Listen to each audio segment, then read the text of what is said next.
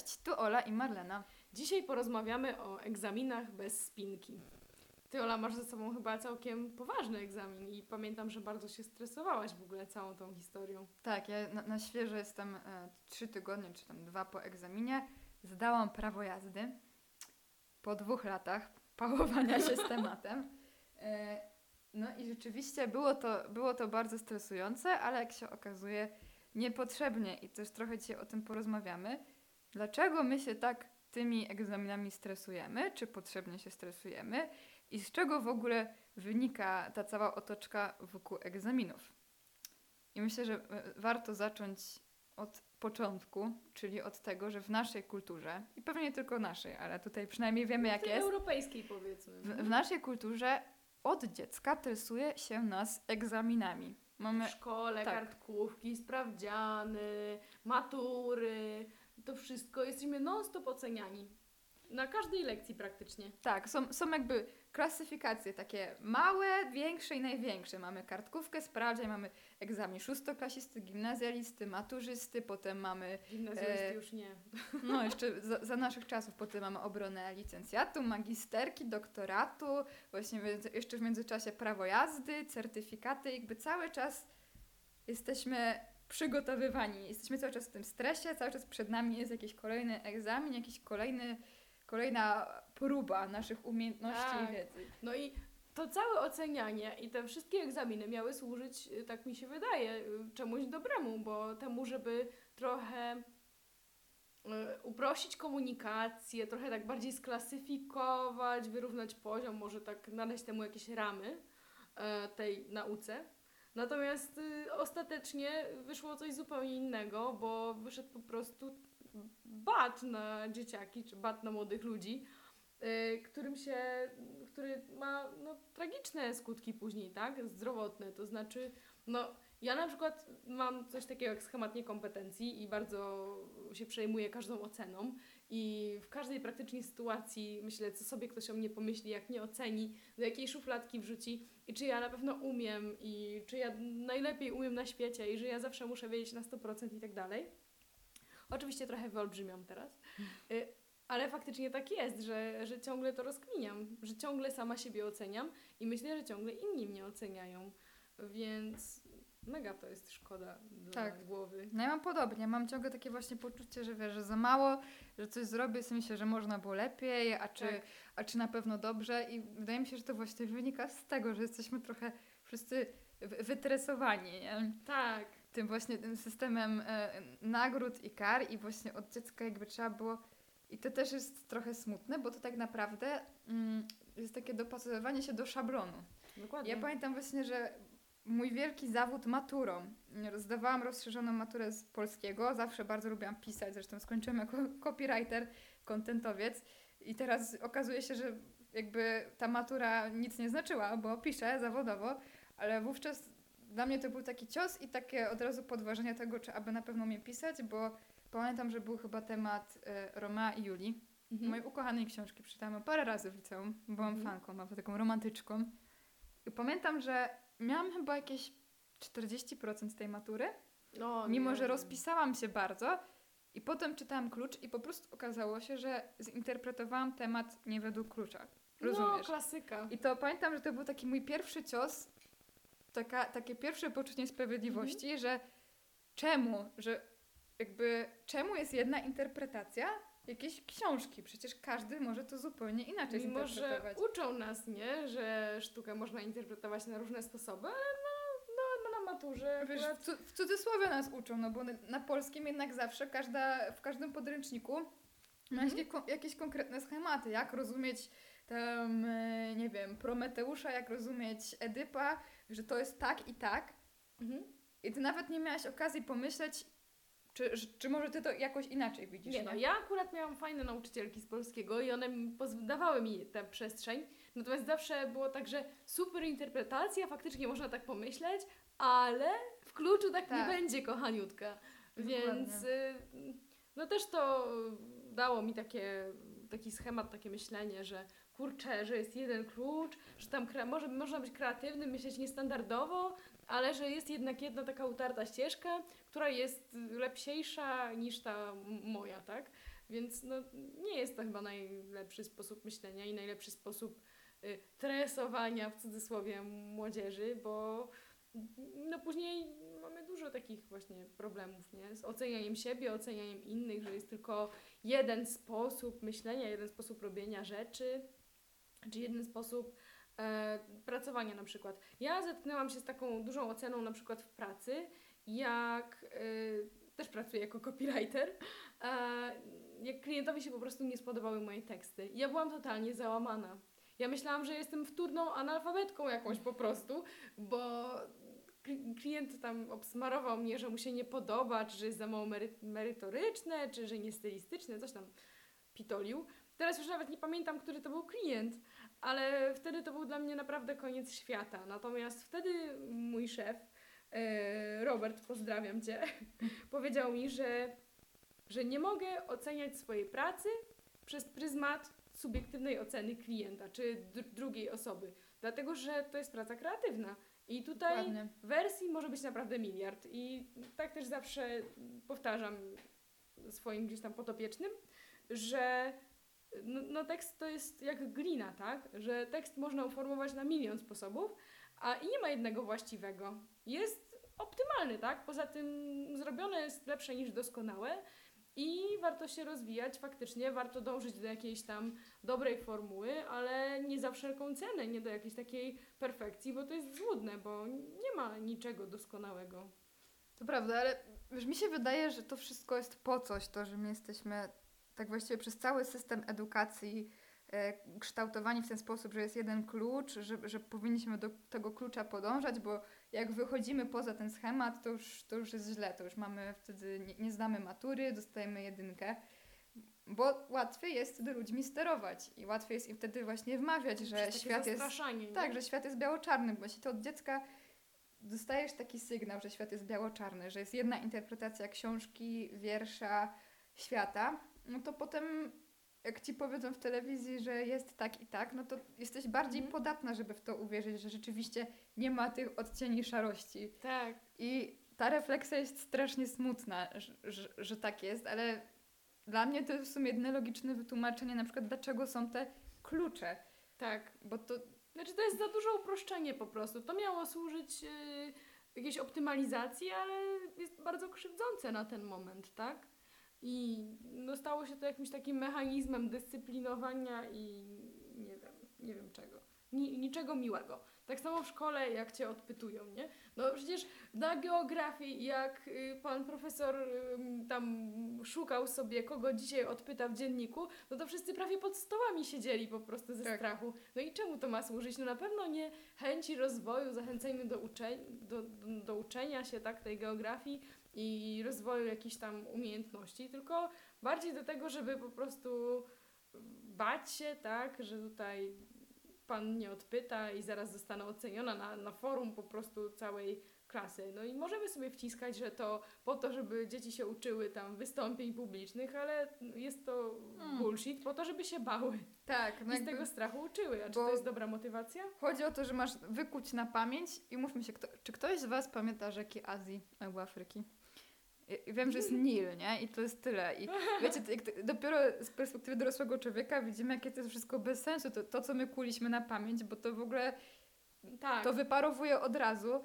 I... Ale to wyparowuje dlatego, że miałeś złą motywację. Twoja, jakby twoją motywacją był strach przed byciem ocenioną, a nie ciekawość świata. Właśnie i to jest to, że, że właściwie no tak jak ja pamiętam swoją szkołę, bo na pewno są na świecie nauczyciele tacy z krwi i kości, z powołania, którzy zaszczepiają w ludziach jakąś pasję i ciekawość świata, ale jednak większość tych nauczycieli, których na swojej ścieżce spotykałam, to oni właśnie oni uczyli tego wykuwania na pamięć, tego, że musisz wykuć, żeby zdać i nie zaszczepiali tej ciekawości świata. Tak. Na przykład przez tyle lat mojej edukacji żaden nauczyciel geografii nie sprawił, że ja miałam ochotę poznawać świat nie wiem czemu na geografii właściwie nie robi się jakichś takich fajnych, wiesz, wycieczek po świecie, typu, nie wiem, pokazywanie zdjęć, pokazywanie, patrzcie jak pięknie jest tu, a, albo tu, jaki Dokładnie. różnorodny jest świat, tylko uczysz się tego tak właściwie najnudniejszy możliwy sposób, na przykład uczysz się jaka jest gleba w Azji, ale uczysz się na y, rysunku, na jakimś schemacie,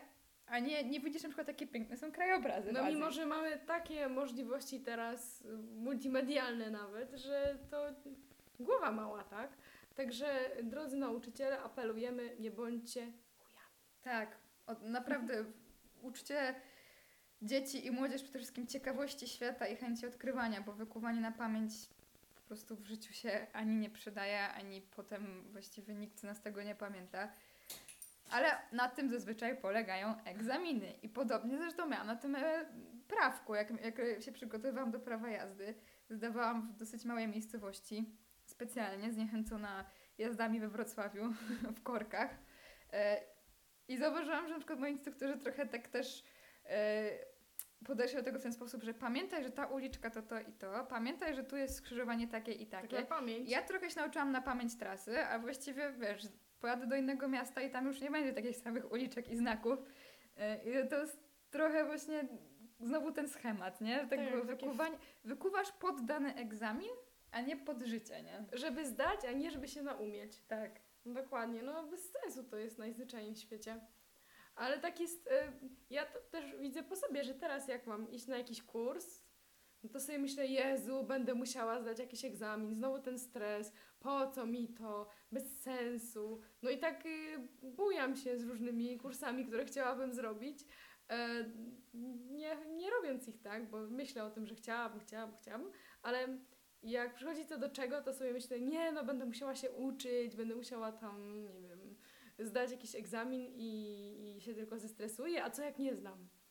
No, A co, a co jak nie znam, to jest osobna prawda. kategoria w ogóle lęku. Bo co innego, jak musieliśmy te mm, ileś tam obowiązkowych egzaminów przejść, tak, typu, nie wiem, ma- matura, no to wiadomo, że nie trzeba było, bo byliśmy dorośli i nie musieliśmy, ale jednak każdy chyba miał wewnętrznie takie poczucie, że, że chce zdać tą maturę. Ale też tak mam, że teraz już, jak już mam za sobą powiedzmy te takie wszystkie większe egzaminy, to też nie, nie za bardzo chcę się podejmować jakichś kursów, robić jakichś certyfikatów, bo właśnie boję się tego, że wiesz, nie zdam i jak to będzie o mnie świadczyć? Dokładnie, że jestem głupia. Wiesz, na przykład, y, nie wiem, mam, mam swoją firmę, obsługuję klientów i będę chciała poszerzyć swoje kompetencje w tym zakresie i nie zdam i od razu sobie pomyślę, to jak ja mogę klientów obsługiwać, jak ja jestem głupia i nie zdałam, nie? Ale pomyśl sobie, jakie to jest zniekształcenie poznawcze w ogóle, bo no, no co najgorszego się może stać, jak nie zdasz? No stracisz parę stów. No. No i to jest, to jest takie błędne koło, że my się boimy tych egzaminów, ale de facto, no to no co, co by się stało, jakbyś nie zdała matury? No na rok byś poszła pracować w jakiejś żabce albo nie wiem, jako kelnerka i za rok byś zdała, bo byś się douczyła i po prostu ogarnęła to na luzie. Więc ta cała machina sprawia, że potęgują się w nas te zniekształcenia i coraz bardziej się obawiamy, a to znowu nie sprzyja rozwojowi, tak? Tylko, tylko temu, że po prostu no, generuje to w nas strach, tak? Tak, bo my jesteśmy, nawet pamiętam jak nauczyciele mówili, jak tylko tą maturę mi zdajcie, nie? Bo pamiętaj, że to, to i to i tylko mi tą maturę zdaj. Od razu masz jakieś takie zaszczepione w głowie, że to, to czy zdasz tą maturę, czy nie, to definiuje ciebie, że to jest taki, Tak. wiesz, że, że jak nie zdasz, to koniec, w ogóle koniec świata, jesteś debilem i możesz od razu iść pod most i się, wiesz, zapić. I to jest w sumie Bez sensu. bez sensu, bo nawet jakbyś miała zdawać pięć razy tą maturę, no to co z tego, nie? Jakby... Nie ty za to płacisz. To w ogóle wiesz, a to Brutalnie też mówiąc. Nie definiuje człowieka w żaden sposób to, czy zda egzamin, czy nie, bo może być bardzo kreatywną osobą, ale totalnie nie potrafić wpisywać się w jakieś schematy, nie? I Dokładnie. no a niestety jesteśmy tak uczeni, że, że to, jakie mamy oceny na egzaminach, ewaluacjach, kartkówkach, sprawdzianach, definiuje nas, tak? Tak, tak. Ja pamiętam, miałyśmy z Olą taką przygodę, że y, musiałyśmy zrobić ewaluację w pracy. Robiłam Oli ewaluację e, i widziałam, jak się bardzo stresowałaś w ogóle, coś tam. E, ja byłam na szczęście w tej uprzywilejowanej pozycji, że to ja byłam wyżej, ale no, no ja pamiętam ten stres, bo mnie też ewa- ewaluowali. I to nie jest przyjemne, bo nagle siadasz z kimś face to face, naprzeciwko siebie i ktoś ci mówi, co o tobie myśli, po prostu Tak. wywala ci wszystko e, na stół. No i my miałyśmy to szczęście, że mamy super relacje i gdzieś tam, no ten feedback był taki na miękko, no ale zdarza się, że po prostu szef ci, no wywala, tak? Jakieś brudy z na przykład pół roku. I No czy to ogólnie- jest najlepszy sposób? No nie bardzo. Ogólnie bycie ocenianym nie jest przyjemne. Pod Mhm. żadnym kątem. Tak samo jak ja, nie wiem, z zespołem na różne konkursy jeździłam. Mhm. I wiesz, zazwyczaj właśnie po konkursach było coś takiego, że jury siadało i omawiało. To jest mega niezręczne, jak ty stoisz Ela na scenie, Zapędowska taka siedziała Tak. i mówiła, pani Olu, a tutaj w piątej sekundzie Tak, to- nieczysta nuta. to fajnie, a to nie fajnie. I wiesz, to jest takie, strasznie podcina skrzydła, nie? Bo ty tutaj dałaś całą siebie, Mhm. nie wiem, właśnie czy to namalowałaś obraz, czy zaśpiewałaś, czy cokolwiek, Mhm. jakby pokazałaś część siebie, a potem ktoś siada i mówi, to spoko, to nie, tu mogłaś tak nie machać ręką, tu to, tu tamto i od razu jakby wiesz, na przykład pod kątem muzycznym, no usłyszałam na przykład, że e, powinnam częściej otwierać oczy i coś tam, i coś tam i wiesz, to trochę odziera jakby tą, tą muzykę z tych emocji, bo na przykład ja przymykam oczy, bo przeżywam na przykład dany fragment piosenki. Jak ja Mhm. mam teraz, bo mi pan juror powiedział, że powinnam otwierać, jak ja mam teraz myśleć, otwórz oczy, a nie myśleć o tym, o czym śpiewam, To będzie bez emocji. to jest bez emocji i właśnie to, to bycie ocenianym często trochę jakby, To jest bardzo subiektywne też, nie? tak, Natomiast, no żeby nie było też, że my tutaj jesteśmy takie anty, no bo to ocenianie i ten feedback ma czemuś służyć, tak? I bez, bez feedbacku znowu, to byśmy się nie rozwijali, nie wiedzielibyśmy, co możemy robić lepiej i, i nie byłoby progresu. Natomiast, no, czym innym jest konstruktywny feedback, taki empatyczny i taki na spokojnie, a czym innym jest takie twarde ocenianie tutaj i klasyfikowanie i wrzucanie kogoś tak w szufladki. ze skalą w ręce najlepiej, nie? Od 1 do 10. Tak. Myślę, że właśnie bardzo istotne jest to, czy to jest taka, taki niewymuszony, naturalny feedback, typu Mhm. pracujemy razem nad projektem i ty zauważasz coś i mi mówisz na bieżąco, ej Ola, a może jednak tutaj tak i tak, Mhm. a co innego jak wiesz, mamy zaplanowane, że za miesiąc ewaluacja i ty musisz siedzieć i jakby kminić co dobrze, a co źle. No, to jest takie sztuczne Tak, wtedy. bo ja uważam, że feedback jest bardzo ważny i właśnie to rozwijanie siebie i patrzenie co można lepiej, ale właśnie jak to jest takie naturalne, nie? A najgorsze są te właśnie takie momenty jak siadasz i masz teraz jest egzamin, teraz jest ewaluacja, jakby I musisz wszystko wygarnąć naraz. No to jest dosyć stresujące, ale zupełnie niepotrzebnie. Ja na przykład lubię korzystać z tych wszystkich Fuko i innych narzędzi dawania feedbacku, bo pomaga mi to gdzieś tam pozbierać myśli i dać ten feedback tak, żeby o wszystkim pamiętać po prostu. Ale też yy, no, staram się tak po ludzku do tego podchodzić, nie? E, czy jak feedbackuję, nie wiem, tam ludzi w pracy, czy, czy nawet jak gdzieś tam w domu po prostu y, mówię komuś, co mi leży na sercu, no to, no to staram się to robić z taką uważnością na czyjeś emocje i tak bardzo mm, z perspektywy ja, to znaczy mówić o tym, co ja czuję, co mi przeszkadza, dlaczego mi to przeszkadza i tak dalej, a nie z takiej perspektywy ty nie umiesz albo ty się nie postarałeś wystarczająco i tak dalej.